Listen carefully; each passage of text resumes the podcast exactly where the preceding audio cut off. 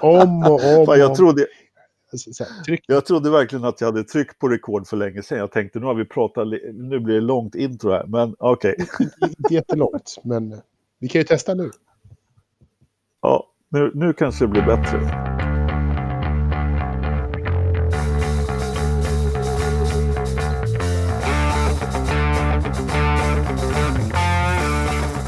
Hej och välkommen till Forsa-podden nummer 74. Eh, idag med lite sovjetiska inslag som glasnost, perestrojka och pravda.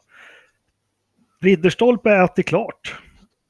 Så han är med idag och ska presentera sin lista. Och eh, eh, Lövström sitter också taggad som bara den. Eh, jag vet inte, har vi något att säga? God fortsättning allihopa. Ja, Ja, absolut. god fortsättning och vad det nu heter alltihopa. Ja. Hur är det med Ja, dig men det är Jakob? bra. Det är bra ser, tack. Ja, vi ser bara luggen på Ja, dig. Men, det, eh, det räcker. Jag är i semestermode nu. Nu är det mysbyxor och rufsigt hår här fram till ja, nyårsafton skulle jag tro. Jag måste, måste bara säga en sak. Det här är avsnitt 73B. För att, Ja. 73, är en mycket, för att jag, jag, för 73 är en så bra siffra och årtal och allting annat. Så att eh, 73 är dagens avsnitt också. 73 Inte B, jag, 74. jag håller med. Men jag, Anders vill, vill inte ge med sig på det. Men Nej, jag, men- 73 Bertil idag. Ja, och det är jag som bestämmer Ja, dessutom. precis. Vi brukar låta det, dig tro du, det. det kunde du ju tro, men ja, visst. Vi brukar låta dig tro det. Vi säger så här då, det är jag som skriver in siffran i, i, när, vi när jag registrerar avsnittet. Så vi får väl se vad det blir. Ja, Okej. Fick ni några julklappar då? Nej, Nej. jag fick pepparkakor. In, Små.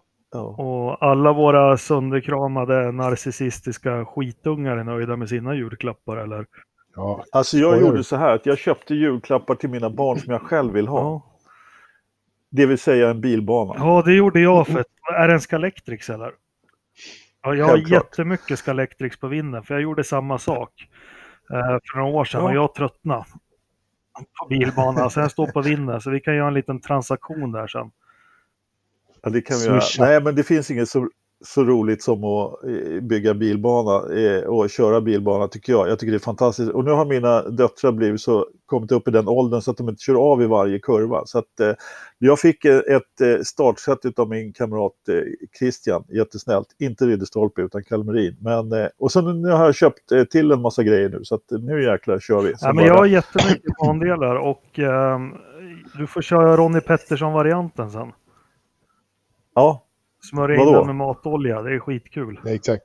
Ja, ja, ja. ja, man kan tej- tejpa däcken Ja. också. Det, men de sladdar rätt bra ändå faktiskt. Så att, För eh, er som är intresserade av eh, Scalextrix och eh, så måste jag, jag tror jag har lagt ut det någon gång i, i eh, Ja, du hade någon ja, kompis som hade alla gamla F1-bilarna kollega, från ja, 70-talet. Magnus Enerholm som har, jag vet inte hur mycket pengar han har lagt ner på det, men han har varenda F1 som eh, Ronny Pettersson har kört eh, Mm. i Scalextrix, så det är inte billigt. Och sen har han, jag tror han börjar dra på sig nästan kompletta han har VM 76, den säsongen är lite helig för honom. Jag vet inte varför, men där är många bilar med. Men de är otroligt fina de där bilarna. Otroligt fina. Ja, absolut. Ja. Ja, jag, jag skulle köpa lite nya bilar här och leta efter några trevliga F40 eller något sånt där. Eller några eh, vad heter det, GT40 Fordar eller något sånt där. Men, och det var inte gratis kan jag säga. Definitivt inte. Jag behöver spara lite först. Vad, Innan jag vad, kan. vad kostar en bil? Flera tusen. Alltså, det- Nej, nej, men normal alltså det 500-600. kostar en, ja, 500-600 Oj. någonstans. Det går att köpa lite billigare också. Men skulle man köpa något set då var det ju någon limited edition och 1500 spänn och sådär för, för ett par Men sen om du verkligen vill köra också, det är lite vetenskap. Det, de här lite billigare, de är otroligt lätta och svårkörda de bilarna. Man vill ju ha... Ja, ja. Ja. Lite tyngre. Enerholm, om du lyssnar, lägg ut bilder, tack. Jaha, Ridderstolpe, mätt, däst och glad. Är du redo att presentera din topp 10 här nu på, i Formel 1? Och nu har vi här att nu är det ingen SVT morgonsoffa längre. Att, nu har ju vi Nej. chansen Lövström och, och verkligen slakta Japp. varenda placering. han. Ja, men alltså, Ja, och det ska vi Ja. göra också. Det tycker jag. ja, alltså kom igen. Ni, jag, jag lyssnade ju på eran, eran eh, parodi till, till eh, avsnitt eh, här. Så att jag vet inte riktigt. Jag, jag, frugan och barnen undrar vad jag höll på med när jag skrattade högt i och liksom kommenterade allting i, i köket när jag stod och gjorde köttbullarna. Men ja, herregud. Men, vad börjar vi med då? Men du, Jakob. Ja. Vänta, vänta. Ja. Jakob, det var ju faktiskt så här att du, klagar på att jag och, och Ridderstolpe brukar hålla med om, men alltså du och jag var ju faktiskt väldigt Jo, men du är ju överens förra så veckan. jävla konflikträdd Anders. Då blir det ju Ja, så eller här att Fast det var ju du som svarade upp efteråt, Jakob, så då är det ju du som inte väljer någonting Jo, men det är ju för att jag vet hur konflikträdd Anders är. Då kände jag att ja, men det är bara att haka på hans. Marcus är etta på allt. Och jag vet Ja, ju att, jo.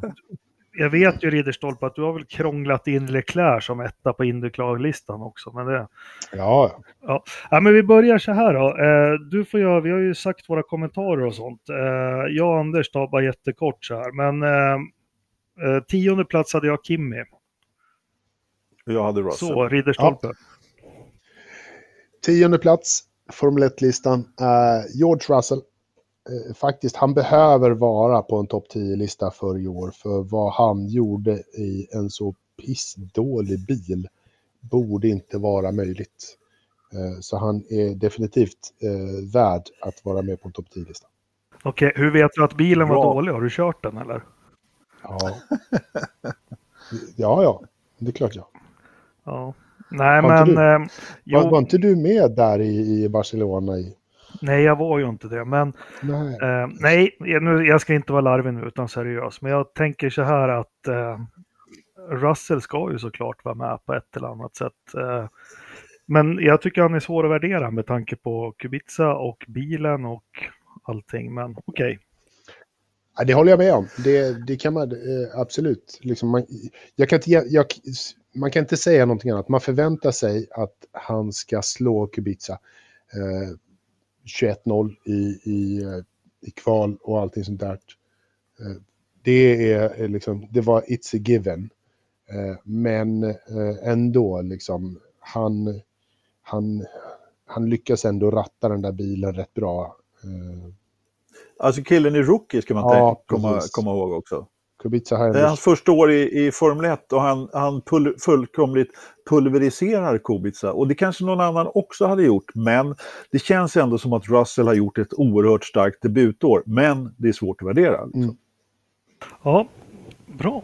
Då har vi tian avklarad. Då tar vi en fanfar på nian då. Du, du, du, du, du. Då hade Engelmark Sergio Perez. Och Lövström hade Albon. Kimi Räikkönen. Ah, ja. Ja. Du ser. Som på nia. Jag som inte ens hade honom med på min lista för jag tyckte han var så trött eh, under en lång period där på, Ja, på hösten. Eller, det, det var på håret kan jag säga. Det, det är liksom, han, det, han känns jävligt trött och jag tror inte att han kommer vara med på en topp 10-lista om ett år.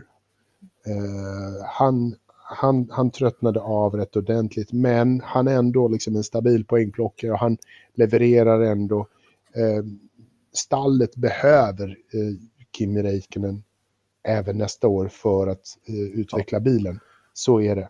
Ja, men jag hade nog haft honom på en elfte plats typ. Och som Jakob sa i förra podden, hans inledning på säsongen och de poängen han tog där, när Giovinazzi inte gjorde någonting överhuvudtaget annat än att kamma sig, var ju liksom, Mm. det, det, var ju, det var ju Ki- Kimi som vi vill se honom. Ja. Så, så stark som han var i inledningen. Och skrapa ihop ett, en ja, ansenlig men vi har, ju haft Ja, flera styck, vi har ju haft flera stycken halvårsförare den här säsongen faktiskt. Om man eh, kollar på det. Och Kim är ju en, eh, Gasly är faktiskt en, Albon är också, eller Kvyat är en. Så många som bara kört ett Japp. halvår faktiskt. Ja, det gäller att hålla ihop hela Ja. säsongen. Pang till nummer åtta. Där stoppade Engelmark in Sebastian Vettel och Lövström Perez. och Ridderstolpe. Pierre Gasly. Fy fan. Ja, ja. Jaha, ja. Ja, han, Fick han den, den platsen bara för andra platsen där? Han fick den platsen för andra platsen. Eh, det är så här. Starten på året i, i Red Bull var ju så jävla dålig som någonting kan vara, men liksom så här, det, det var vad det var. När han väl kom till Toro Rosso så körde han ju upp sig ändå ganska bra. Han kommer ju på, på pallen och allt sånt där. Så att, eh, han är ändå en topp 10-förare i Formel 1 i, idag. Eh, liksom. Och till skillnad från Kimi på väg upp istället för på väg ner. Eh, sådär, så att han, eh, han, om han får ett helår i, i Toro Rosso och kör bra ytterligare ett helår där så, så kommer han nog klättra på den här listan ganska bra. Jag hade ju inte Gasly med alls på min lista. Jag tycker att eh, där har du fel. Mm. Varför det? Han var så... Nej, men han gjorde ju en fantastisk upphämtning, men det, det räcker inte. Liksom, eh, med, med den mediokra inledningen som han gjorde i Red Bull. Han var ju ingenstans. Han var ju ja, men var, helt var, ute. var var Sergio Perez?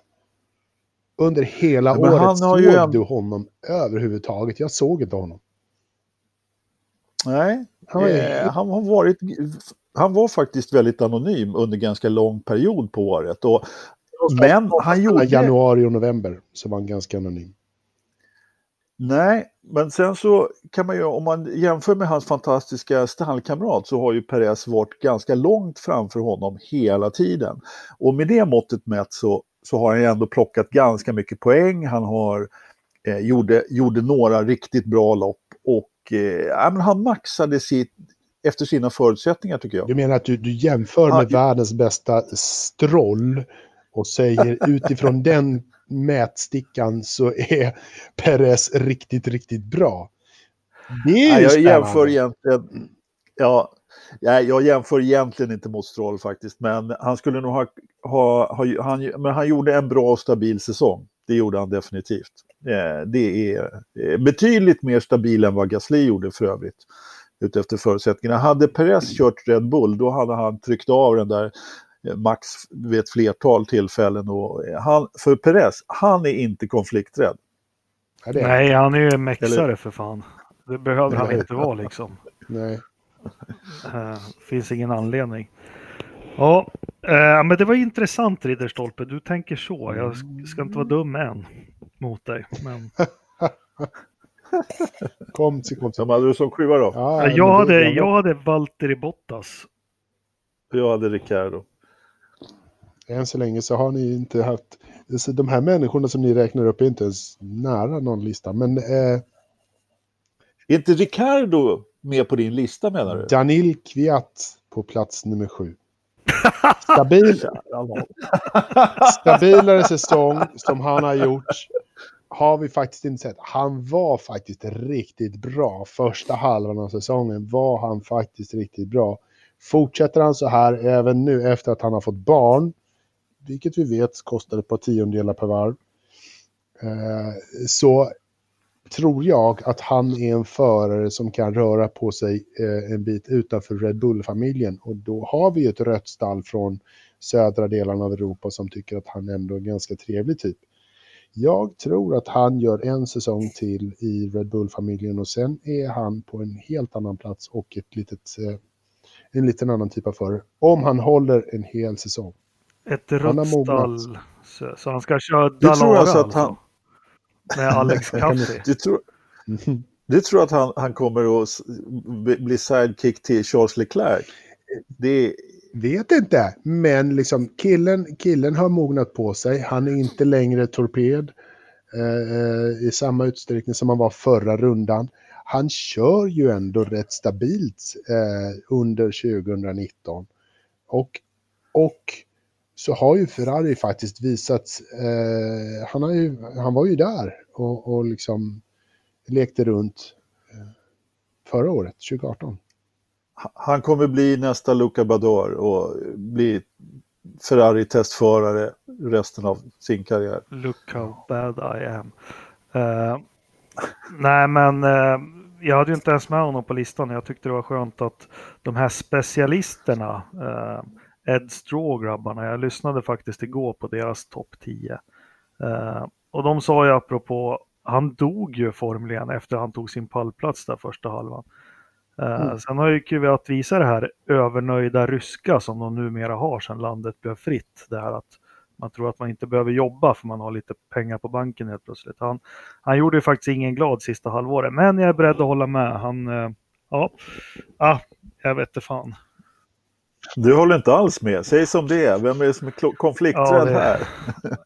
ja, men eh, ja, nej, vi får se. Formel 1 har ju aldrig varit Ridderstolps starka sida.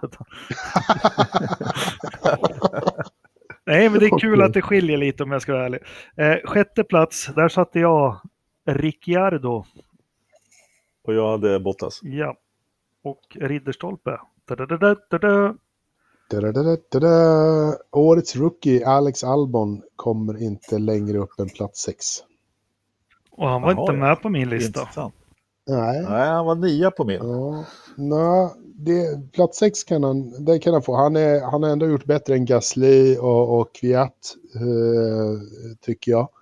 Och han har faktiskt visat sig att han kan stå upp i Red Bull-stallet jämfört med Max. Och det är ingen som har gjort de senaste åren. Så att om han lyckas och, och prestera där så som han gjorde eh, när han väl blev lite varm i kläderna där, då tror jag att eh, Red Bull har ett jäkligt starkt eh, team eh, under, under många år. Men han var ju fortfarande Marcus, Marcus eh, långt bakom eh, Förstappen. Han var ju liksom tre tiondelar bakom. Verstappen när de eh, hade ungefär, när, när de väl var eh, ja, på samma nivå. Eller ja, alltså, där, de har ju, bilar som funkar. Jo men alltså så här, alla andra övriga har ju fan varit sekunden efter ändå. Liksom, så att det är liksom, eller sådär. Så tre tiondelar är bra menar du? I jämförelse med, med övriga. Nej, alltså så här, jag tycker faktiskt att han gjorde ett, ett bra, ett, ett bra um, han, han gjorde ett bra intryck på mig Eh, när han väl kom in i Red Bull. Jag var väldigt, väldigt tveksam när han fick chansen i början på året. Jag visste inte alls vad jag hade honom eller sådär. Eh, men sen han fick, eh, sen de gjorde switchen med Gasly, så dels så mådde Gasly bättre och Albon svarade upp till förväntningarna på ett helt annat sätt. Men du, eh, är... det, nu är du så himla positiv Ridderstolpe. Vi vill ju ha ett frågetecken kring varje förare också. Men eh, har han inte kraschat lite väl mycket Albon i år? Han har gjort en del rookie-misstag, men han är ju för fan rookie. Ja, Ja, och det får, det får man ju vara jättelänge i den här sporten nu, för Max Verstappen gör ju fortfarande... Eller hur? Ja. Ja, kört det... 300 lopp. Nej, men Albon, Ja. Albon är en liten gåta faktiskt. Eh, eh, han gjorde det där så riktigt bra när han hoppade in, när, när Verstappen faktiskt inte levererade där i mitten på året eh, på samma sätt, utan han gjorde en del misstag och, och, kom inte i mål och hade en del problem med bilen och vad det var för någonting. Det gjorde ju Albon faktiskt riktigt bra, men jag är lite besviken att han inte var lite snabbare eh, jämfört med Max Verstappen, men det kan jag det kan jag ta. Han, han, jag han tror kan, att han kommer att bli det, bara han får liksom sätta sin prägel på bilen lite mera från start. Nu fick han ju Gaslys bil så att säga, liksom, och sen fick han modda om den så att den funkade så mycket som möjligt för hans körning.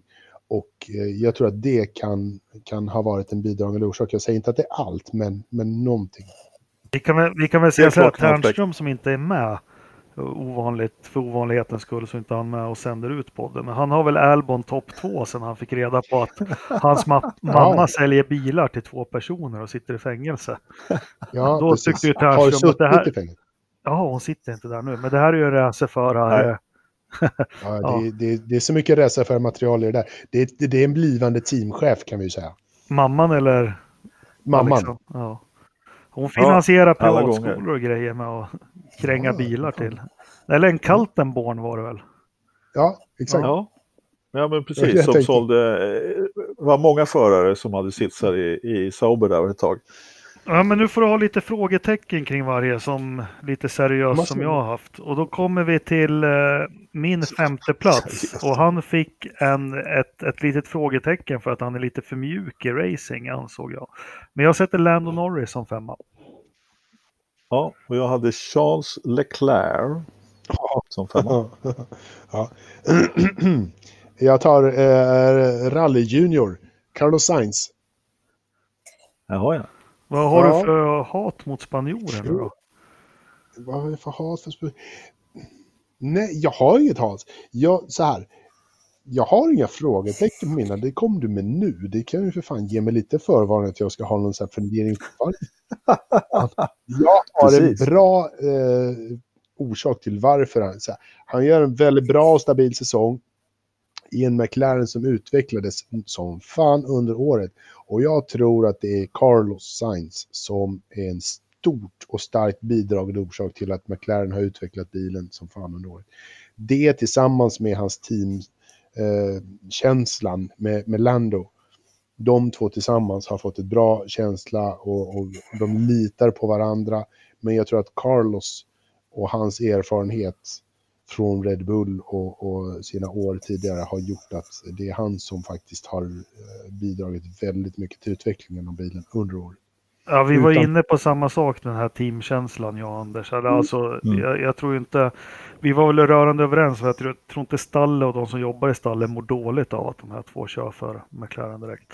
Uh, sen, sen givetvis utvecklingen av bilen, det är de här timmarna som Alonso kastar in i simulatorn.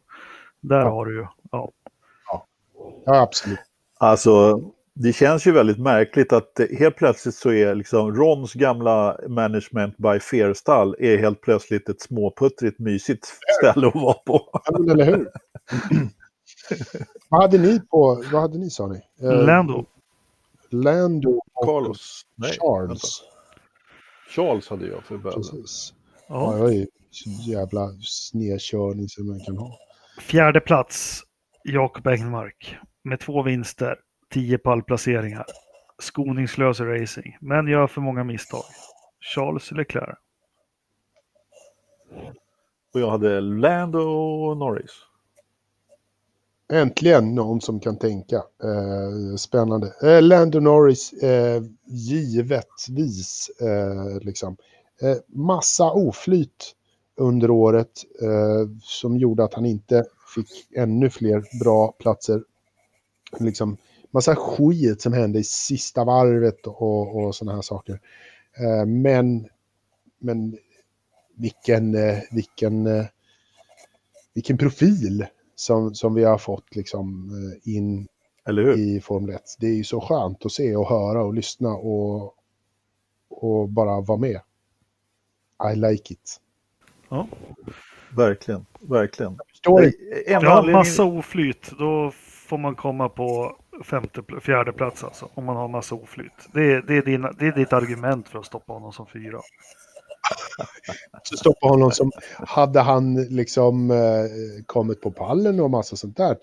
Vilket kanske inte riktigt bilen hade lyckats med liksom, men... Carlos Sainz kom ju på pallen. Ja, men ändå. Flyt ska man ha. Oj, vilken dikeskörning här på plats fyra, eller vad säger du, Löfström? mm. Nej, jag, eftersom jag hade Lando där också så kan inte jag säga att det var en dikeskörning, men det, det är i så fall så att dikeskörningen var på, på platsen eh, på femman i så fall. Alltså, jag har ju Carlos på min tredje plats eh, och det är ju lite så, alltså att jag rankade trots allt Carlos lite högre än Lando, även fast jag håller med om allting som eh, Ridderstolpe säger om Lando. Men Såklart jag, jag håller Carlos lite högre faktiskt mm. än vad han gör. Mm. Ja, nej men... Så, äh, ja, ja nej, men så min trea, det är ja, Carlos? Min trea, han hade jättemycket otur hela tiden. Uh, så det är Kubica. Nej, uh, skämt åsido, jag har också signat som trea. Han har maximerat allt, sa jag. Kvalfarten är ett frågetecken jämfört med, med Lando, då, men han hade mycket strul i kvalen. Så då vill vi höra Ridderstolpes trea. Max Verstappen. Mm. Ja, men den är intressant. Den vill jag höra mer ja. om. Ja, men alltså han gjorde ju allt han, han kunde för, uh, för att rubba Merca och sånt där. Liksom. Men, men bilen funkar ju tyvärr bara på, på en del, på ett fåtal banor helt enkelt. Liksom. Men uh, han är ju, får dem till och, och lyckas uh, få den där bilen att funka aerodynamiskt på alla banor i ett jämnare, inte så högt och lågt, utan en jämnare nivå på allting. Eh, så kommer han, och det måste ju han, han är ju den som ska lyckas få till det. Han har haft några år på sig och inte lyckats få till det tidigare. Eh, han har ändå varit guldstjärnan i Red Bull under ett antal år och inte fått dem att leverera en jämnare aerodynamisk bil är ett litet minus måste man säga. Får han det så är ju han den som eh, har störst chans av alla att rubba eh, Lewis Hamilton. Från att ta titlar. Ja, men, agree är det sista du säger. Lyckas, lyckas han inte med, med det så mm, då blir det ju bara några fåtal vinster och en andra, tredje plats i VM. Liksom. Att sikta på. Nej, Max kommer vinna VM. Det, det, kan, det kan nästan Han kommer inte ge sig. Alltså, han, är ju, han kommer inte ge Nej. sig förrän han har gjort det. Och han har ju ungefär 22 säsonger på sig. För pojken är ju inte... Typ. Ska han hålla på ja, lika är... länge som Schumacher så har han ju 22 säsonger på sig. Ja, men alltså han är ju 12 år så att han har ju liksom, ja. Eh, då, då har man ju framtiden för sig. Nej, ja, absolut. Och har kört 100 lopp. Ja, jag vet, men han är tidig. En brådmogen pojk. Ja, men, eh, det är klart som fan att han, han kommer vinna VM, det tror jag också. Och jag, jag önskar att han vinner VM för att han behöver verkligen, jag, jag unnar honom en, en VM-titel faktiskt för att han är fantastisk förare. He's an asshole i, i sina stunder. Men, men, men kom inte att säga att han inte kan ratta en Formel 1-bil. Nej, det kan han. Det, Verkligen. Och i sina bästa stunder så är han ju en fantastisk F1-förare och i sina värsta så är han just det, ett litet äckel. Liksom. Ja. Så, men ibland krävs det bara ett litet äckel för att vinna. Ja. Nej, det gör jo, inte det. Jo, det gör det. Du måste vara genomäcklig. Nej. Nej. Nej. Nej. Nej. Nej, säger jag på Sluta den Man måste inte vara... Va? Ja, men tiden när såna här som din favoritsport och sånt, när såna här Gunde Svan och sådana vinner, den är ju förbi Anders. Gunde Svan, kära någon, kära någon. Jag kan räkna upp många oerhört sympatiska vinnare. Ja, får höra man fem behöver, då. Man, man, behöver kanske inte vara... Damon Hill, Graham Hill, Jenson Button. Eh, eh, hur många var det? Det, det var fyra. med alla med varandra också, eller vadå? Det, det var tre, Anders. ja, eller hur? jag kan inte räkna heller. Lillesonen. Anja Persson och eh, eh vet, Charlotte Kalla. Man kan vara en jävligt Fast Kalla vinner ju aldrig något. Ja, hon vann det gör hon väl visst det, kanske inte nu på ett par år. Men så här, alltså det jag menar är att man behöver inte vara dum i huvudet eller ett litet äckel för att vara en jävla vinnarskalle. Titta på, ja fan, Ingemar Stenmark eller vem som ja, helst. Han, han, han gick ut i tidningen igår, en lång intervju och sa att jag har insett att jag inte var något snäll alls under min karriär mot min omgivning. Nej, han var ju inte, han var ju inte snäll, men han var ju, han var ju, inget, han var ju inget litet äckel han var ju liksom, han kan ju, visst han kunde liksom snäsa av en tv-kommentator, det kan väl vem som helst. Jag menar, det är bara att kolla på, på Kimmy, till och med, till och med Kimi Räikkönen är ju för fan trevlig. Jag menar, och han, han har ju till och med puttat bort fotografer och härjat och donat. Så man behöver inte vara dum i huvudet, det är det jag menar. Eh, jag menar, det är bara att titta på Senna, han var ju världens eh, människa utanför sporten, ja. men på banan så körde, körde han ju fan Men Anders, du kan inte använda vårt folkhem ja. som slagträ i den här debatten med Stenmark och... och nej men jag... Senna, nej men, är, han ett, är han ett slagträ i svenska Kalla och... Alltså jag tror att för att vinna så måste du på ett eller annat sätt vara en liten skit. Sen om inte det går ut i rutorna, det är en annan sak. Det är, Nej, och jag tror precis tvärtom. Att eh, är man, eh, man kan vara vinnarskalle utan att vara en Du, du får avgöra det, ska... Ridderstolpe. Ja, jag, tänker, jag tänker mest på att ni har inte pratat med folk på flera dagar, eller hur? Så att ni, ni behöver ha en sån här otroligt intressant diskussion om, om Nej, men kolla, kolla på världen, världens bästa film. Top Gun. Top Gun. Det var ingen, det var ingen nice guy direkt, Ice, som ledde skvardonen. Eller? Nej. Ja. Och du, och, och du, och du hånar mig för att jag använder... Den enda som var ni, nice guy och, och, och sånt, han satt ju där bak och läste kartan och dog sen. Ja, just det. Hör du, Alltså, du hånar mig för att jag använder svenska folkhemshjältar som slagträdebatten, så kommer du med Top Gun. Han, kom, han kommer med Tom, upp. Tom Cruise. Du, Uppföljaren ja, är väl precis. snart ska, färdig? Den är färdig? Ja, en uppföljare där, precis. Den kommer jag inte att se. Nej, inte Jag ska se han lätt. Ja, Det är klart du ska. På plats nummer två för Engelmark hade jag Max Verstappen. Anders hade Max och också. Ridderstolpe har. Charles Leclerc, såklart. Eh, det, är inte, det är inte konstigt att man skriver just ett femårskontrakt med Charles i, i Ferrari. Eh, det, Men det han- hade de ju inte gjort när du skrev din lista. Eh, jo, det har jag faktiskt skrivit. Att Ferrari idag gjorde Okej. klart med ett nytt långt kontrakt. Det är inte underligt. Ett underbarn som i år visade att det är en ny sheriff i stan. Han pulveriserade ju Vettel. Vettel och Bottas är ju fan att ni ens har med dem på en topp 10-lista. Hopp, hopp, hopp, Jag har med Bottas, Ja, jag har med Bottas, jag har inte med nej, Vettel. men Försök alltså inte. så här, ja, någon av dem ens på en topp 10-lista i år är ju undermåligt. Nej, för fan, säger han som har med Alex Albon på plats nummer sex. Nej, men alltså, eh, alltså, vad han gjorde i Ferrari i år är ju bara så tydligt att det är han som styr där nu. Och det tog honom ett par månader, men sen var det ju klart. Liksom. Eh, tre, fyra race så, så hade han ju visat It's my team. Det, det är han som styr det där. Och Fettel får köra andra fjol ett år till. Han kommer att må pissilla under 2020, Sebastian. Och han borde gjort en Ternström och slutat nu faktiskt till jul. Men jag vet, men jag tror, jag tror att han kanske, det kan faktiskt vara så att han har försökt sluta men att Ferrari inte har ett alternativ utan låter honom, har övertalat honom att köra ett år till. Just för att de inte har någon eh, att peta in.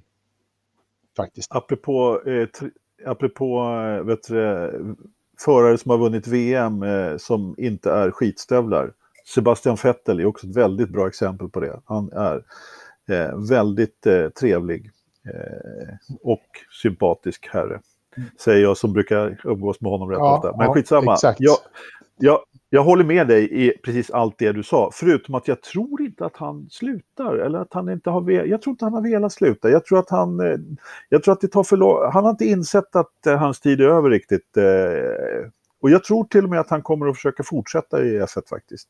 Det ska bli intressant att se, men jag är inte lika säker som jag var tidigare. Jag trodde att han skulle fortsätta ännu längre, men eh, jag tror att han vill få ordning på, på torpet faktiskt. Vi får väl se. Vi får se. Jag tror att han, jag tror att han inser att, att liksom det, det finns andra värden i livet, kommer han att säga. och så kommer han ta hand om sin familj. Och allt så här. Hur många barn har han? Han har en hel drös med ungar nu. Tre. Precis, och jag tror att det han kommer att köra ett år till och casha in några hundra millar och, och sen dra sig tillbaka till någon bergstuga i Schweizerlanden som alla andra. Jag tror han jobbar stenhårt på, på FIA här nu att de ska få in i nya reglementet blown diffuser. diffuser. Då kommer han köra som den. På första plats då Som hade jag. Hamilton, Anders hade Marcus. Vem har du Ridderstolpe? Ja, Eh, Marcus, eh, såklart. ja. Nej, bra. det, går inte, Tack. det går inte att säga något annat än att Lewis Hamilton är den obestridliga vinnaren av 2019. Han, eh, han gjorde precis vad han ville med, med Bottas och med egentligen med alla andra under hela året. Hur satan vad, vad dominant han var. Så är det bara. Det går inte att säga någonting annat. Nej. Nej. Hur- Då, har- då har jag egentligen bara en liten eh, iakttagelse, Christian. Mm. Och det är så här att eh, du hade alltså, du hade Kvyat med på din lista, du hade eh, alla möjliga konst, Gasly hade du med på din lista, men du hade inte Daniel Ricciardo som går från ett stort stall ner till Mm. Renault och kör skjortan av Hylkenberg.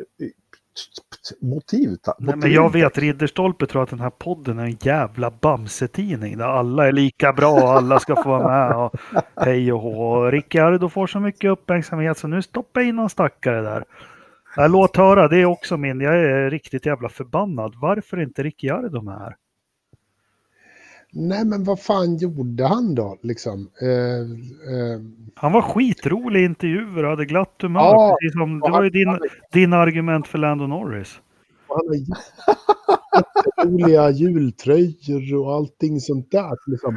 Men, men att bara liksom köra skiten ur Hulkenberg eh, som egentligen hoppas jag att alla borde kunna klara av, fast inte alla gör. Eh, så alltså, jag skulle ju kunna haft med någon i Haas-teamet också, men det är ingen som har det heller. Eh, Kevin är ju också en cool kille, men inte fan är han med på en topp 10-lista för det.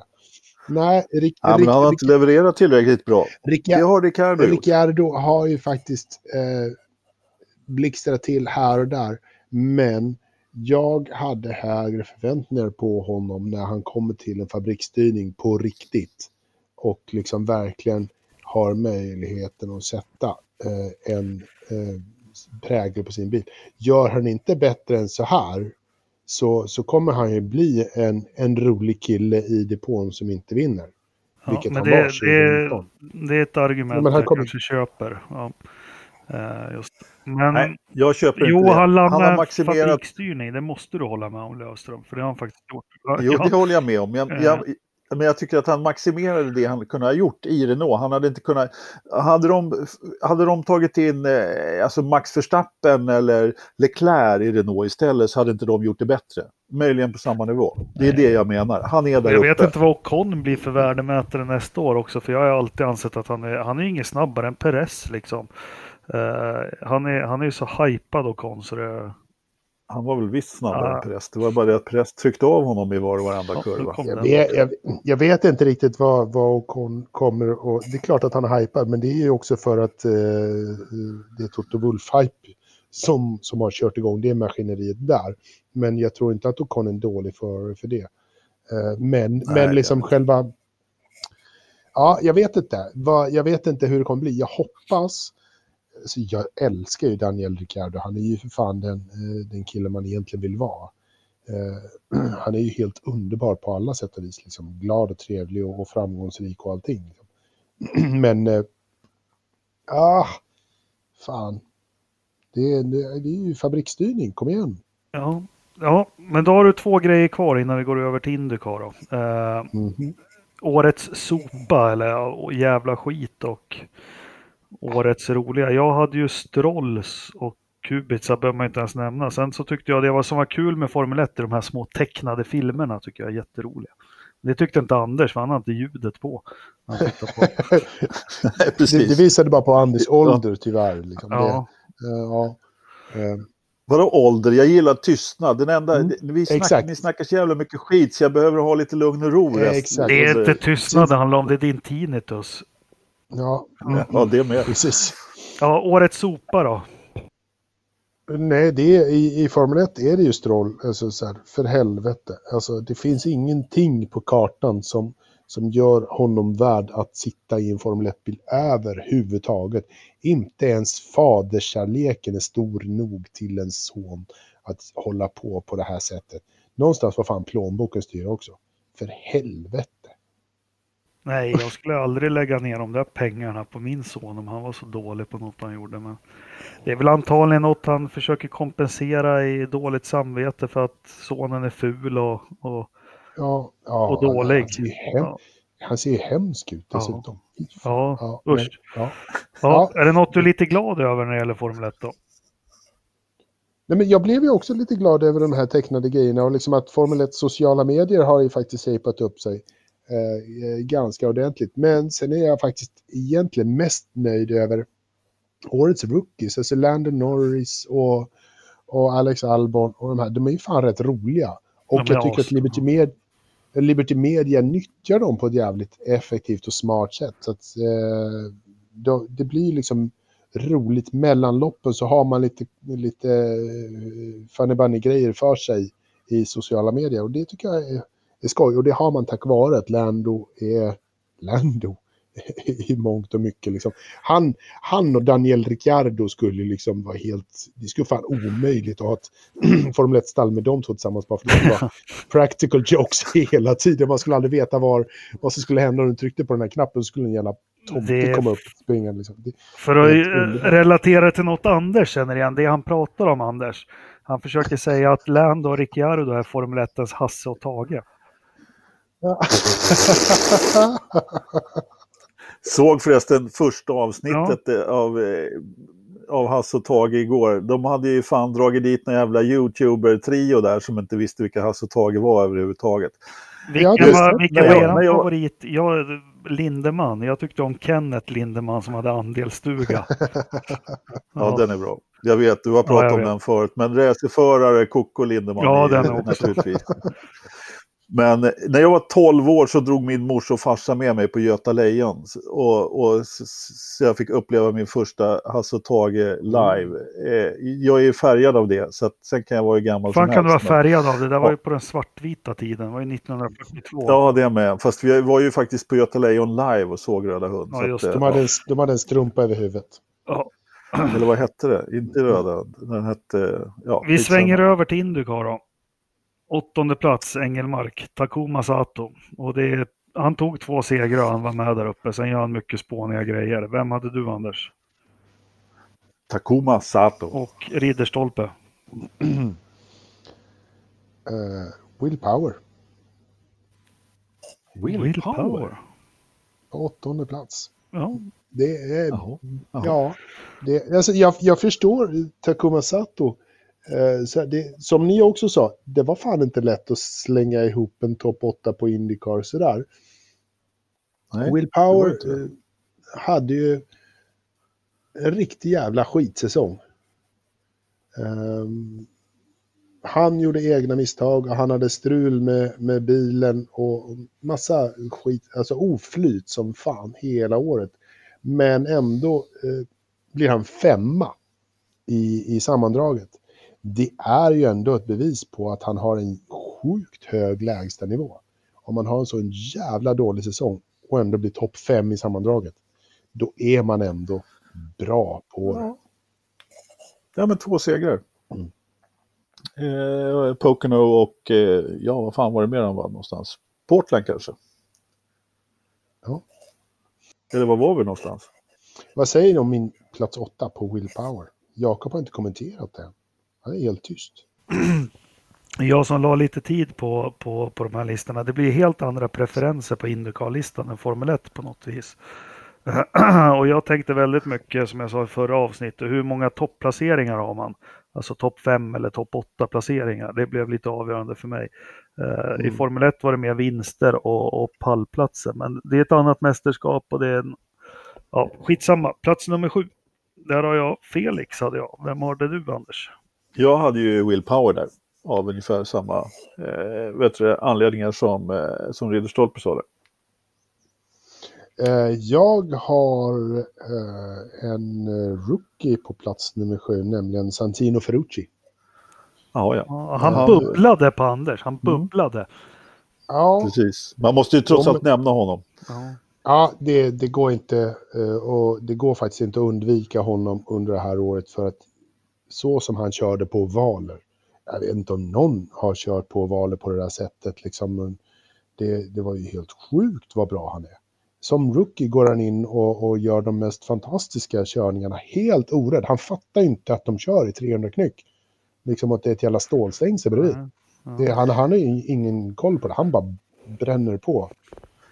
Ja, sen, kan jag tycka också just det där att, alltså inte bara det att han gör det väldigt bra på valer, sen var han väldigt ojämn då, men, men att just det här att han gör det väldigt bra på valerna, men också därifrån, jag, jag lägger med lite grann var han kommer ifrån. Just att han kommer från det här avgrundsdjupa i F2 när han liksom får kicken från sitt stall, kör på stallkompisen. Det- på något sätt väger jag in i det här att, att han ändå har gjort det så pass bra som han har gjort i Indycar i år. Alltså, det, Men det, inte på din Hur var det han ursäktade sig nu igen då? För det. det var ju liksom, I am just a poor boy. Ja, det var verkligen så. Jag, jag är bara en italiensk ettad 21-åring eller vad det var för någonting. Så, Mm. Som, som åh hoppsan. Ja, men, eh, Bra. Förlåt att jag är dum i huvudet ungefär. Nummer sex, Engelmark. Will Power. Ja, vi har ju pratat om honom. Vem hade du, Anders? Rossi. Och Ridderstolpe. Simon Pagenaud. Peugeot, Peugeot. Pagino, alltså visst, han, han var väl där uppe och blev tvåa i sammandraget va? Ja, vänta, Ehm. vänta, vänta, vänta. Det börjar fan pipa iväg nu. Ja, Ja, ja. Jo. Eh, det, det, men ändå liksom. Eh, han vann hela maj månad. Eh, Indy 500-vinnare och, och så här, clean sweep. Eh, men that's it. Det var ju det han gjorde. Sen gjorde han ju egentligen inte så mycket mer efter det. Det var maj månad som han hade och han hade liksom en, som, en, en sommarmånad. Han var en fluga. Mm, na, det räcker till plats sex. Ja, ja, eh, ja, Ja, ja. ja. ja. Femma då? Jaha. Engelmark, Colton Hurta som femma. Eh, vem hade jag då? Vänta ska vi se. En, två, tre, fyra. Hörta hade jag också, ja. Just det. Så var det. Jaha. Tv-soffan alltså. Spännande. Japp. Absolut. Ja, ja. Felix Rosenqvist, plats fem. Ehm, han, absolut, årets rookie, väl värt och, och inget snack om saken att han satsar på en to, total vinst. Kanske inte riktigt kommer att göra det nästa år, men eh, inom kort så kommer han ju att göra det i det stallet han sitter i. Han kommer att kunna lyckas skriva ett eh, långkontrakt och ta över efter Scott Dixon i, i Ganassi-teamet. Men, eh, eh, och det är liksom, han är en, en, en stjärna redan nu. Tror du att han kommer att ta över Ganassi? Jag tror att han kommer att eh, ta över Scott Dixons plats som the leading star. Fast har inte Finn tagit över Ganassi? Han har i alla fall köpt in sig, helt klart. Alltså, Eh, Men, men med, med en liten stek. Nej, men eh, jag tror ju också att Colton Hurta kommer att bli en eh, framtida... Nej, vänta, stopp ett tag. jag, Nu. sa Felix. Ja, du, du hade Felix, eh, nu förstår jag vad du menar. Eh, jag hade... Varsågod, det är jag som är lite lagom vimsig här egentligen och trodde att du pratade om eh, Hörta, men du pratade om Felix såklart. Ja, men då håller jag med allt, då är jag tyst. Ja. Ja, ja, ja, ja, plats fyra Engelmar, Engelmark, Pagano. Lövström Mm. hade Felix. Mhm. Eh, Alexander Rossi. Han finns alltid, alltid, alltid med i toppen. Han orkar inte stå emot eh, i, i slutet på året, men han är ju ändå alltid där. Eh, och han gör inte sin bästa säsong. Eh, inte alls så. Men alltså, som, som Will Power också hade liksom en taskig säsong. Han hade en sämre säsong naturligtvis, men, men Rossi, eh, han finns alltid med. Alltså, du kan inte räkna bort honom från någonting. Aldrig. Det lät ungefär som min eh, motivering senast. Jag håller med. Ja. Ja. Fast jag hade honom några hack längre ner. Ja, men Rossi, bara den här som vi pratade om. Ja, nej, vi behöver inte återupprepa oss, men den här överstyrningen lilla han får på ovalen där som han rättar till Ja. i världen. Ja. Eh, nej, men han har känts ensam i år på något vis. Alltså, han har slitit på i, det, i det dolda ensamma. Och, men som du säger, han är alltid, trots att han är inne i depån när de tejpar ihop bilen med gaffa och grejer, så är han Ja. alltid med där uppe sen. Så. Absolut. Men han har inte, men han har det är väl eh, Marco Andretti som också skulle ha hjälpt till och, och liksom utvecklat den här bilen och det fick man ingen jävla hjälp av överhuvudtaget liksom. Eh, Nada. Eh, och, och sådär. Så att, ja, jo, ja. Det, han, han har dragit ett stort, stort lass. Det, det har han gjort, men Ja. lite ensam, absolut. Ja. Men då kommer vi till min nummer tre och jag hade ju Rossi där och jag håller med allt du säger om honom. Sen så la jag även till där som var mina preferenser. Han hade 11 stycken topp 5 placeringar och det, det tycker Ja. jag betyder något. Ja, men det var ju precis som vi sa, han var alltid med där uppe. Mm. Det, nu är vi över- överens om alla tre om Rossi faktiskt, och vad han har gjort. Trea för dig då Lövström. Dixon. Och Ridderstolp. Mr Iceman, Scott Dixon, eh, är, får plats tre. Han är ju så jävla skön. Eh, så det, det går ju inte och- och så här. Han, är- han, är ju, han är ju lika trevlig som, som Ricciardo vid en mikrofon och sånt där. Och sen är han lika jävla stabil som Lewis Hamilton när det gäller att ta topplaceringar. Fantastisk eh, Nisse. Alltså, så jävla bra. Men han har vunnit Ja. klart. Han är också... Eh, börjar bli lite gammal. han har ju hängt med det här i snart två årtionden i Indycar-toppen. Och det börjar lite grann märkas att han, eh, han börjar komma till åren. Mm. Så att, Ja, så, ja, men det var väl ett lopp i Detroit där han eh, blev tvungen att bryta jag för mig och sen Texas där, där han inte tog några poäng. Han, hade han plockat där då hade han ju varit uppe och fightats om eh, segern i mästerskapet. Eh, Mm. Sista loppet, så är det bara. Ja, som nummer två hos mig då på den här listan så är det ju Indycars Crocodile Dundee. Killen med ett ansikte som bara uttrycker två barslagsmål om dagen.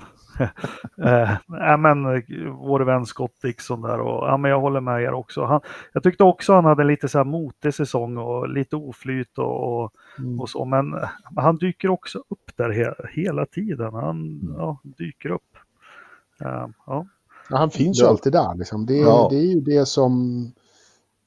Det är som Ternström säger, det är ju eh, liksom jämnheten över säsongen, det är ju så du vinner. Och det är ju liksom, Scott Dixon är ju, Ja. Och Alexander Rossi och Will Power, det här är ju liksom killar som alltid plockar poäng. På ett Ja, annat det- sätt så har de en skitsäsong, men de plockar fan poäng. Liksom. Ja, Och men det det belönar sig mer, eh, precis som vi har pratat om, det belönar sig mer att, att vara topp 5 i Indycar under hela tiden, eller topp 10 till och med, topplaceringar liksom, eh, eh, Ja, belönar men- sig mycket mer i, i ett sånt mästerskap som Indycar. Och, och jag har ju Pagino som tvåa på min lista. Och det, det bevisar ju lite grann det också. Han är ju väldigt bra och plockar väldigt mycket poäng då i, i, i maj där. Men jag menar, 112 pinnar tror jag han fick för, för Indianapolis till exempel. Det räcker ju ganska långt i ett mästerskap och han är ju trots allt tvåa. Det är enda anledningen till att han är tvåa på min lista, att han gjorde det bra. Han har ju verkligen maximerat sina chanser lite grann eh, i mästerskapet skulle jag vilja säga. Så tog han ju också eh, massor med poäng sista deltävlingen också. Jag kommer inte ihåg var han Ja. kom eh, på, Co- eller på, eh, på Laguna Seca, men eh, där drog han ju också ihop hyfsat med poäng liksom, i Mm. de här dubbelloppen. Så är man bara där när det gäller så, nej, han har verkligen maximerat det. Ridderstolpes tvåa då. Colton Hurta. Ja, så där, ja. Eh, ja, eh, absolut. Colton Hurta. Alltså det är... Han, är, han och Felix hade ju eh, en enorm fight om årets rookie och det, det förstår man ju. Alltså, han är ett underbarn. Han är född in i sporten med Brian som, som pappa och liksom allt det här. Ha, och Mr. familjen Andretti som har verkligen så här välkomnat honom in. Och han kommer få en ännu bättre stöd nästa år.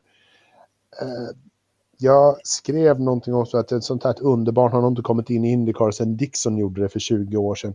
Han är redan där på alla banor. Liksom. Han har redan kunskapen att köra ovaler och han kan ju uppenbarligen köra roadcourses och, och sånt. Så att det, det är det som gör att eh, Felix saknar ovaler och eh, Ferrucci behöver på något sätt få tillbaka sin självkänsla på, på eh, roadcourses eller andra banor än ovaler, det är inte bara roadcourses. Men liksom, Colton Hurta har redan hela paketet eh, redan nu. Så han, han gjorde en sjukt bra säsong och han är en plats två. Yes. Jag kan inte, kan inte vet, eh, klaga på någonting i den motiveringen.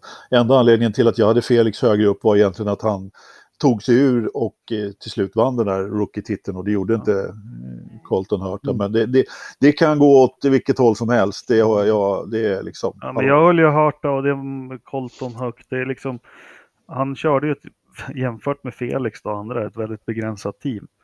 Ja, Uh, gör han ju. Nej men det, det är respekt Ridderstolpe. Uh, är det. Eh, då kommer vi till topplaceringen och där tror jag vi är två som har samma. Där har ju Anders har ju Marcus som etta. ja. Eh, så, såklart. Ja, Eh, nej, Ja, men har eh, med 12 stycken topp 5 placeringar och fyra vinster så kan det ju bara vara Newgarden som blir etta. Precis som Hamilton var etta Ja. för mig. Vad säger Löfström? Jo, men jag hade ju också Newgarden av samma, eh, samma, samma det- anledning. det går inte att ha någon annan än Josef Newgarden. Han är helt... Eh, han, han låste in den här säsongen precis som han ville. Liksom. Det eh, magisk säsong och det är en magisk förare. Han, han gjorde det perfekt. Alltså det, Och, det, och, och dessutom skillnaden eh, mellan Lewis Hamilton och Joseph Newgarden är att på ett helt annat sätt så får Hamilton en bra bil till sig.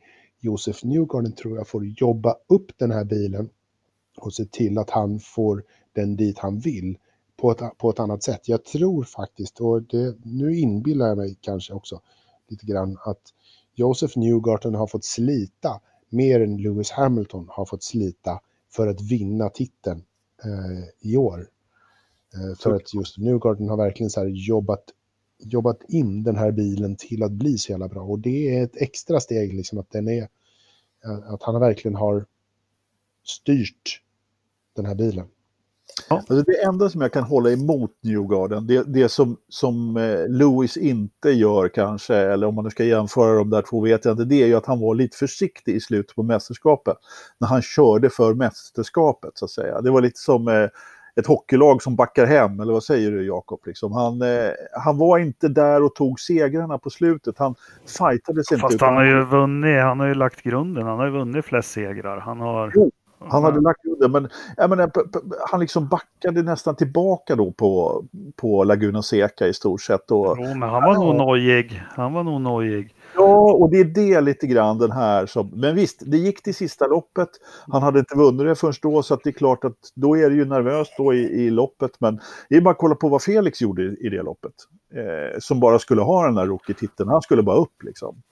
Eh, han, menar, han var ju också förbannad för han fick en, en ordentlig bestraffning ja, i visst. kvalet där också. Absolut. Absolut. Ja. Nej, men eh, jag, jag, jag, känner mig en, en liten... En, lite annorlunda i inställningen där. Det är enda jag håller emot Djurgården. Alltså, jag, håller, jag tycker också att han var, han var den bästa föraren över hela säsongen. Ja, men vad bra, då har vi tagit oss igenom den här skiten. Ridderstolpe, vi fick prata lite om våra liksom, starkaste minnen från Indycar-säsongen. Uh, jag tror jag, eller jag vet, jag hade första loppet när Felix drar om Will Power i en, i en omstart där. Det, det liksom satt tonen för mig. Det var häftigt på alla det sätt, men det så, berättade jag mer om i förra avsnittet. Vilken är din liksom mest minnesvärda? Jag har ett par lite jobbiga saker som faktiskt sitter kvar. Det är Felix krasch eh, på valen där kändes... Eh, det var fan med jobbigt eh, att se. Mådde, där, där mådde man rätt dåligt av det hela. Och sen så mådde jag också dåligt fast på ett helt annat sätt när, när Marcus sladdar av i depån. Eh, det, jag skämdes något så in i helvete som svensk eh, Indycar-följare. Eh, för att det, det, var, det var fan bara jobbigt. Han snurrade depån på Indy, tänker du på? Ja, var, var, var det Indy han snurrade i depån? Ja. ja. Det var på Indy ja. ja. Han, när han dessutom hade kört jävligt bra. Han hade kört skitbra och så gör... Alltså det... Fy fan vad irriterande. Ja, men det var, han, Marcus, om vi ska prata om Marcus en mening, han gjorde ju för mycket rookie-misstag. Han är ju en kvalificerad slow starter, det, så är det ju bara. Han, eh, han, han gjorde ju alldeles för många enkla misstag, om man ska mm. kalla det för det. Sen hur, vilka man kan kalla för, liksom lasta honom för, det där är ju ett naturligtvis. Men han gjorde ju några till också, så att, eh, där, han är inte nära, nära på listan egentligen. Så är det. Nej, men, det, men det, det, var en häftig, det var en häftig säsong i alla fall, Indy. Det, jag tror det friska upp för oss alla att följa det lite närmare. Eller? Oh ja, oh ja. ja men det, och det, vi sa ju det många gånger under året också. Vi återkom ju till det hela tiden. Att det skulle vara, nu är det skönt, det är Indie-weekend som kommer upp. Här nu, och vi hade, när vi poddade eh, på måndagen så har det alltid varit lite extra skoj att snacka Indy. Det, I en timme eh, av en dubbelhelg, liksom när det både var Indy och Formel 1, så har ju Indycar varit det roliga att prata om. Mm. Speciellt under året, så, det, så är det. Kan, kan hålla med definitivt att vissa helger när, när, eh, när Formel 1 inte var så där överdrivet upphetsande så var det ju oerhört trevligt att ha ett, ett kul, bra lopp att prata om istället. När Formel 1 inte levererade, som i Singapore vad det var för någonting. Liksom. Då, då mm. var det jäkligt skoj att ha någonting annat att snacka om. Så, nästa säsong då ska vi börja podda på söndagar tycker jag, direkt efter loppen. Ja, Klockan, du. Efter, efter Indycar-loppen som börjar ja. 22 nu ska vi podda klockan ett till fyra ja, på morgonen. Timmar. Ja, fy fan vad roliga vi är. Ja, men då gör vi så här, då kör vi, vi kör Formel 1-podd efter Formel 1-loppet och Indycar-podd efter Indycar-loppet. Mm. Men du, fan jag ser nu, ser jag, det är jätteridderstolpe. Man ser ju bara mm. ovandelen på ditt ansikte. Har du Navy Cut? Frisyren? Vad Navy Cut där? Ja, men helikopterplatta på huvudet. Eh, nej, det, nej, det, det var... Vet jag.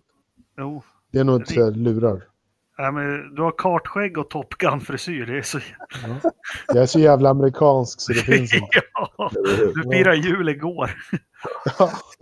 Apropå det, vet du vad eh, Jakob, jag avbryter dig lite där och ditt frisyrprat som du ofta vill, vill, utveckla väldigt mycket, men jag kan tänka att jag räddar lyssnarna från det, så kan jag berätta något narcissistiskt istället. Eh, det var ju just mitt, eh, jag, vi pratade ju om just de här minnena från Indycar-säsongen och, och så vidare, men det som jag inte sa egentligen förra förra avsnittet, jag kom på att tänka på det när du pratade om Top Gun. Jag var ju faktiskt på ett hangarfartyg och och kolla in det i, i, som ligger i San Francisco Bay där, eh, USS Hornet. Väldigt trevlig upple upplevelse faktiskt. Det var, det var väldigt tufft. Var, stod Cher, Cher på däck och sjöng? Ja, alltid. Jag tittade efter henne men eh, hon, hon satt sitter inte på hangarfartyg utan på något annat jäkla kryssningsfartyg. Så att hon var på ett annan, en annan eh, båt tror jag. Fast förstod du inte den? Jag tror Riddersholm... Jag förstod referensen helt och hållet. Men mm. eh, hon sitter ju på en kanon. Men på du vet, hangarfartyg är ju inga kanoner. Vet du, utan där har de bara, bara, det är bara flygdäck. Vet du. Har, du, har du sett den här filmen? Top Gun heter den. Där flyger de med flygplan på. Åh, för fan vad cool den är.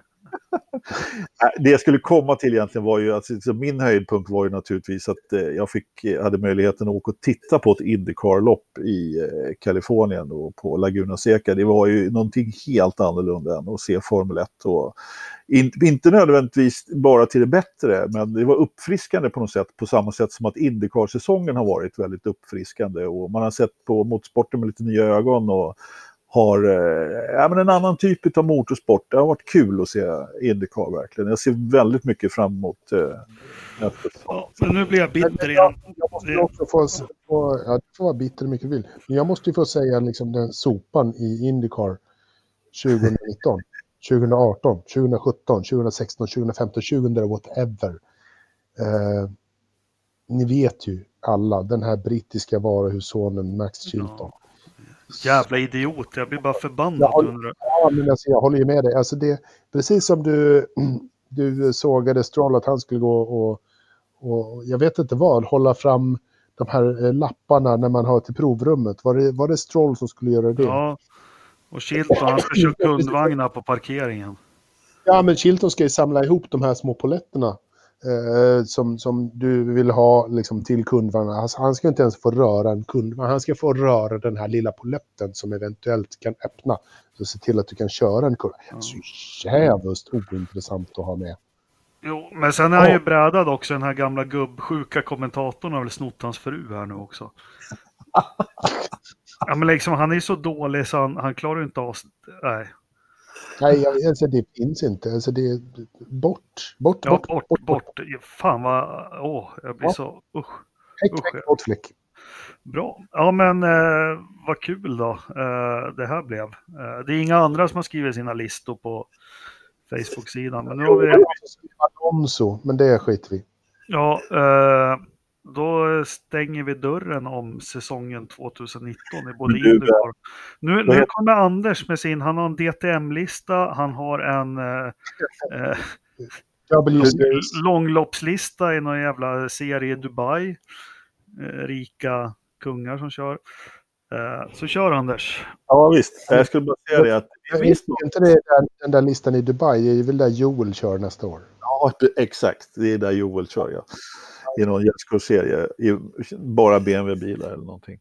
Nej men hur du Jakob, du har ju som du lovade inte lagt ut din lista i tråden. Men trots, trots det så är det ju faktiskt några eh, eh kära lyssnare eh, som har gjort det. Tom Mikaelsson till exempel, han har lagt ut sin topplista här den var inte, den var inte direkt eh, kontroversiell kan vi säga. Hamilton eh, toppar naturligtvis. Han har visserligen Sainz som två och Verstappen som trea då. Det kan man ju argumentera emot.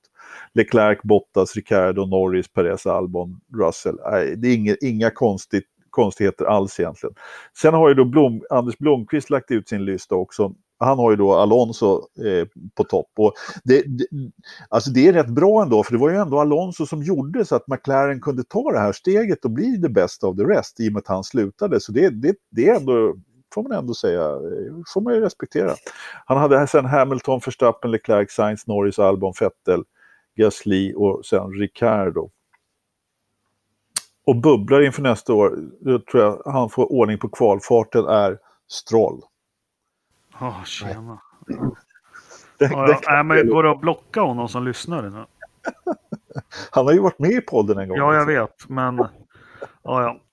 Uh, årets They coming to take me away, haha-pris går till... Anders Blomqvist. Ja. uh, ja, men du, eller ni, uh, vi har lite frågor. Det var inte många frågor alls till podden. Jag tror jag det när vi sätter igång klockan 12 en, en annan dag liksom. Uh, Ternström skulle ju ut, men han har ändå ställt frågor. Ja, skumt. Uh, Jesper Nilsson, vad kan man förvänta sig av Bottas 3.0? Ja, en medioker säsong. Studsar väl tillbaka och vinner något lopp. Jag tror det blir den första eh, F1-föraren som kommer ut som homosexuell. Det är väl vad man kan förvänta sig. Ja, men det är väl något... Det var inget illa ment eller kränkande, men jag, jag tror det. Jag tror att man kan förvänta sig ungefär samma sak som 2.0 faktiskt. Inte så mycket mer. Han kanske jag håller ett lopp till. Han blir ihop med Johan Neto. av Bottas. Mm. Förväntar du dig någonting av Bottas kommer du bara bli besviken. Så förvänta dig inte ett jävla skit från honom. Nej, det håller vi med om. Kristoffer uh, Larsson, har Vettel insett att han är andreförare? Ja, han har insett risken att han ses som andreförare, men jag tror han kommer studsa tillbaka rejält nästa år. Jag har ju redan sagt att han, han kommer att köra, han är övertalad att köra 2020. Pengamässigt och sportmässigt, men han kommer att spela andra fiol. Helt klart. Inget snack. Ja, jag har inte så mycket att tillägga annat än det jag har sagt faktiskt när det gäller Fettel. Men det, mm. Ja, då har vi en sista fråga. Kristoffer Larsson igen. Kommer Ferrari hålla ihop det nästa säsong? Och vad säger italiensk media? Italiensk media säger att Ferrari alltid är, är eh, mästare. Eh, det blivande mästare-teamet. Eh, vi har inte sett någonting än, så än så länge är de ju helt oslagbara. Vänta bara tills de, tills de sumpar till det i några lopp så kommer de att bli helt sopiga igen. Ja, de håller inte ihop den här år. De krackelerar i liksom... Äh, men jag, jag, jag, måste fundera lite här. Alltså hur stark är Leclerc och hans management? Hur mycket folk har han runt omkring sig? Vad kan de driva för att Ferrari ska bli ett, ett, ett bra stabilt stall igen? Måste de flytta till England för, för att få ordning på det där skitstallet eller var, var liksom ha designen i, i... Nej, men jag vet inte. Eller måste de importera lite tyskar och, och britter och fransmän till stallet för att få det bra? Eller, jag är tveksam så länge som eh, man håller den... Alltså det stuket som man har, har haft nu under 5-7 år med de här galna italienarna som har varit ledare. Nej, jag tror inte att det håller. Jag tror inte att man kommer hålla ihop nästa säsong heller. Mm. Men får man till en förändring inför 2021 eh, och få till bilen och få till en eh, lite mer homogen, stabil, eh, stabilt stall, ja då kanske. Ja, titta, jag, ni vet att jag börjar säga, säga jämt att Formel 1 går i cykler. Och titta på mm. Ferraris cykler, vi tar bort Schumacher 2000 till 20... Ja, men det kan, vi kan ha kvar det, men börja 90-talet, eh, nej vi kan börja på 80-talet. Eh, de är med precis som de har varit senaste säsongerna 82, 83, 84, 85 med Alboreto för att sen krackelera 86 87-88, bygger upp det igen, är nära att vinna VM 90 med Mansell. Sen så går det bara 91, 92, 93 neråt, neråt, neråt, neråt, neråt och så krackelerar det till slut var väl 92 eller 93 och, och så här har det hållit på med Ferrari hela tiden. Och Alonso kom in, ja de har ett eh, slagläge på VM-titeln, sen sakta 11, 12, 13, 14 krackelerar det helt och de liksom är ingenstans. Bygger upp det lite sakta igen, 15, 16, 17, 18, 19 och de kommer krackelera 20. Ja. Jag, jag, jag, vet inte, det, det, är intressant det Anders säger där om Charles Leclercs management. Varför Charles Leclerc, jag vet inte om det någonsin har funnits någon förare som har varit född till att vara Ferrari-förare mer än, än Charles Leclerc. Jules Bianchi möjligtvis, men det här är ju liksom typ blodsband eller så nära man kan komma. Men, men liksom, Charles Leclerc är född att vara Ferrari-förare. Hela hans liv har haft ett mål och det är att köra en, en röd Ferrari i Formel 1. Nu är det ju bara att se till att hans liv och levande fram till detta har verkligen lyckats få in eh, att ha all rätt personal runt omkring sig. Jag vet inte om han har det, jag har, jag har ingen koll. Men har han det så har vi en ny guldtid framför oss för Ferrari. För att om han har rätt människor runt sig, som han tror jag ändå kan ha haft eh, visat sig lite i, i, i alfa och, och sånt där nu under året så har det ändå funnits styrkor och ett självförtroende i hans kommentarer som gör att han, han styr det här och det är liksom han kommer att se till att det här blir bra. Jag tror inte de kommer krackelera. Vet inte fan om de kommer vinna nästa år. Men... Fast har han, han, han samlar på sig de åren som Schumacher kunde identifiera att jag behöver Ross Braun och Rory Burnley. Ja. Ja. ja, det är det som är frågan egentligen. Alltså, han har visat i alla fall tendenser. Eh, men kanske inte lika tydligt eh, att, han, eh, han, att han har, är på väg åt rätt håll och omger sig med rätt folk. Det, visar sig, det var hyfsat tydligt i Alfa.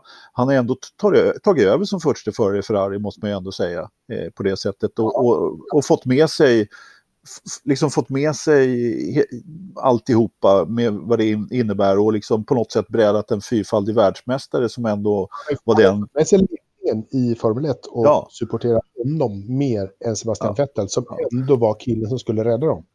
Ja, precis exakt vad jag skulle komma till. Och jag menar, Vettel var ju ändå den som skulle vinna VM till Ferrari och nu har inte han gjort det. Och det är väl, ja det är klart att då, då, då kommer nästa häst att satsa på. Och ger, ger vi honom ett femårskontrakt dessutom. Eh, ja, det, det, kan ju inte säga att man siktar mer långsiktigt på en VM-titel. Det, det tyder ju också på att han har ganska bra, bra människor i sin omgivning, eh, Charles Leclerc, att han får till ett femårskontrakt med Ferrari redan Ja, ja.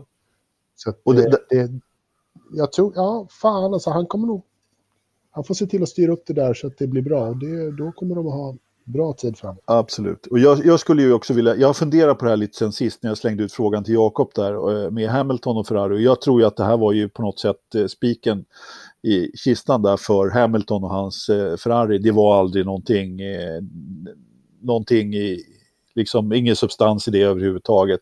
Visst, han hade träffats ett par gånger liksom, men nej, jag tror inte på det längre. Nej, nej det har jag aldrig trott på. Ja. Ska vi nöja oss så? Eh, poddandet överhuvudtaget? Ja. Ja, kan vi väl göra. Vi, vi, ska vi inte ja. nämna det här med podden nu. Vi skiter i det, eller hur? Nej, men du, jag måste fan... Eh, jag hade inget att göra. Ja, men jag stod väl också och rullade köttbullar och skit. Och det var alla, då tänkte jag, men jag lyssnar på den här jävla logistikpodden då, för jag har inte gjort det på länge. Då, fy fan vad dåliga de är. Jag blir så jävla... De har inte koll på... Alltså jag blir ledsen. Eh, alltså Aldrig en Forza-podd utan att, att försöka racka ner lite grann på våra oerhört eh, stora syskon eh, i poddvärlden. Men det är bra Jakob. Jag har inte sagt någonting för jag har inte, liksom, jag har inte lyssnat på det där på ett halvår. Men jag blir så här ledsen. De, de är ju proffs och har anställda och har betalt för det här. Men de har ingen koll på någonting. Och ändå så reser de med den här cirkusen. Och det, nej, jag blir besviken. Fan skärp er. De får skärpa sig helt enkelt. Ja, nej men ja, du tycker ju den är jättebra Anders. Så, så fort vi har planering inför podden, då vill du, kan vi inte göra som de på Logistikpodden gör? Kan vi inte? Hela tiden. Ja. Jag eh, tycker men, har, har ni inte... lyssnat på den på sistone? Nej, jag... Nej, men, jag blir, nej, men det, det är snälla, fina människor, det är inte så jag menar. Eh, men jag blir lite så här, jag lyssnar på mycket hockeypoddar och så. De som är initierade, de är initierade. De liksom har koll på läget. Men jag tycker det är så mycket fel, säger ni. Och vi har inte koll och hej och ja. Nej, men jag, Hör du Jakob, jag håller med dig till viss del. Jag tycker att har blivit sämre, helt klart. Men eh, jag vet inte, jag, jag, vill inte kritisera på det sättet. Men jag tycker att eh, man skulle kunna kliva upp ett snäpp definitivt. Det, man blir väl lite trötta. För snart slår ju bomben ner när ni två presenterar att ni har värvat Eje till vår eller hur? Eller hur? uh, Alltså, Så, det är nu, har jag, nu, har jag, Alltså- nu har jag slutat lyssna på er och eh, publicerat eh, facitlistan i, eh, på Facebook. Ja, men det är bra. Bra. Hörru, årets Verstappen då? Vi tar den först. Ja, men du, vi, vänta lite, stopp ett tag. Jag må, vi måste ju nämna det här med Williams som kom upp idag faktiskt, tycker jag. Innan vi tar förstappen, Så kan jag ju fund, få fundera lite grann på, eh, på, på förstappen. Alltså när, eh, vad heter det, eh, Williams har ju då annonserat att de ska sälja sin eh, ingenjörsdrivna verksamhet. De som sålde mm, alla batterierna till eh, Formel E bland annat. Och, jag har till och med glömt vad den heter nu. Williams Engineering, men ju, ja. Advanced Engineering Technology, whatever. Just liksom. det, så är det. Advanced Typ. Engineering Technology. Precis, och man, man säljer alltså en stor del av sin vinstdrivande verksamhet av någon anledning. Men, och jag förstår inte det där riktigt. Varför man gör det. Men det kanske kommer senare. Men jag tänkte vi behöver ju i alla fall nämna det. På Ja, ett eller annat sätt. det är lite spännande eftersom du har ju tagit fram det här att nu har ju Anders som är våran, eh, våran kontakt på Bolagsverket har ju tagit fram det här att eh, Williams som koncern gick en herrans massa miljoner back eh, under det senaste året. Inte 2019, halvåret 2019 var väl rapporten framtaget. Så att för, för sex månader sedan ungefär. Och ett par hundra miljoner back, men ändå så, så väljer man att sälja av den delen av koncernen som uppenbart eh, producerar pengar. Och det är frågan om varför gör man en sak? Varför säljer man delen som, som tjänar in pengar för att lyfta till den här delen då som vi antagligen eh, är en förlustaffär för hela koncernen, nämligen Formel 1-stallet. Hur tänker man i, i, egentligen i, i företagsledningen? Det är väl det som är frågan som vi inte riktigt är på det klara Nej, men det är jättemärkligt på något sätt. Eh, Och jag förstår inte det. Det kanske klarnar. Det kanske gör det. Eh, Nu har det gått... Det har inte kommit fram mer än så att de, att de tänker sälja det eller att de har sålt. Eh, Men vi får väl se. Ja, de, har- de, har- de, har jag- sålt de har sålt majoritetsdelen av det här. Ja, en, ja, de behåller någon minoritetsdel, men det, det, det betyder ju att de har inte kontrollen på vad företaget ska göra. Så att, eh, det är ju bara, de har cashat in helt enkelt och Klär- frågan är klär- varför. Claire behövde pengar till en ny nanny. Antagligen. Antagligen, det, är- det är nog inte billigt. Jag skulle ta bra betalt för att vara nanny där. Ja, men. Nej, men det blir ju spännande att följa. Sen tror jag att Frank har mer kontroll över det här företaget än... Ja. Han, han bor ju på fabriken och är där varje dag tidigt på Ja, han har kontroll. Han har koll. Han, han, eh, han har nog inte blivit gagg än. Han har nog full kontroll fortfarande. Annars så hade vi inte sett eh, Claire som deputy, eller vad fan det är hon kallar sig nu. Då hade hon varit eh, presidente.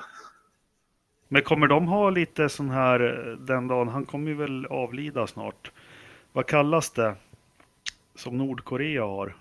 Eh, som ja, men, Nordkorea. nej, men alltså det kallas... Successions... Nej, successionsordningen. i och med att det är en död som styr landet egentligen. Jaha. Jaha. Ja, men det är ju det. Eh, Ja, ja, eh, ja, ja, jag förstår vad du är med- ute efter. ne- Ja, kanske det. ne, eh, ne, nekro... Ja, skitsamma. Inte Eh. nepotism, men ändå. Nej, Ja. precis. Eh, det är lite slött huvud. Nej, men eh, årets förstappen då? Ja, Eh, Lawrence Stroll. ja, Så, så klockrent. Lawrence Stroll för att han fortfarande med en dåres envishet vägrar inse sin, sin avkommas eh, tillkortakommanden. Så uppenbara tillkortakommanden. Då säger jag Robert Kubica. Som eh, ändå lovade hyfsat inför säsongen att han var fullt återställd och kunde köra jättebra. Men det sket sig nog kapitalt och han skulle ha haft eh, vett nog att eh, avsluta det där innan säsongen var färdigkörd. Bristen på självinsikt hos Robert Kubica är Ja, fantastisk. men då finns det bara en kvar. Det är Max Chilton. Kommentarer överflödiga. Hörni, vädret i, i Grövelsjön. Det är lätt molnighet. Lätt molnighet. Ja, det piper iväg med hästarna, 1027. Eh, vi har Det betyder att det är högtryck, det sedan kallt. i november. Ja, det är friskt. Det är minus 5,1 grader. Så det är synd att det är Jaha. mulet, annars skulle de nog ha en fin dag där uppe. Eh, vindavkylning och gånger. dagpunkten ligger stabilt. Eh, vindriktningen, De fan- tre, de tre minuterna som solen visar sig, ja. Precis. Ja, precis. Vindriktningen, där är ju något fel på sensorn som Ternström skulle sagt. För den står på noll hela tiden. Jaha, Eh, jaha. det är torrt inne, så han har fortfarande inte duschat, Pastis. Nej, inte nu. Han kanske inte är hemma. Nej, ja, där har du en poäng, för det är fuktigt ute också. Men var det mitttemperaturen vi skulle... Vad har vi för Nej, den sista. Datorprov? Den sista nu? den till höger. Okej, Ja. ja. vad har vi för temp då? 19. 21,7. 20,9. Jaha, mittemellan. Ja, och därmed, jag vet inte hur tusan ser ut nu. Eh, Fan vad spännande det här inslaget var. nej, det kändes forcerat tycker jag själv. Då. Men eh, spelar vi in på måndag hörni? Eh, Vad är det för, vad är Ja. är? Ridderstolms, det är torsdag, men Ridderstolps nyhets, nyårskarameller ser man ju fram emot. ja, eller hur?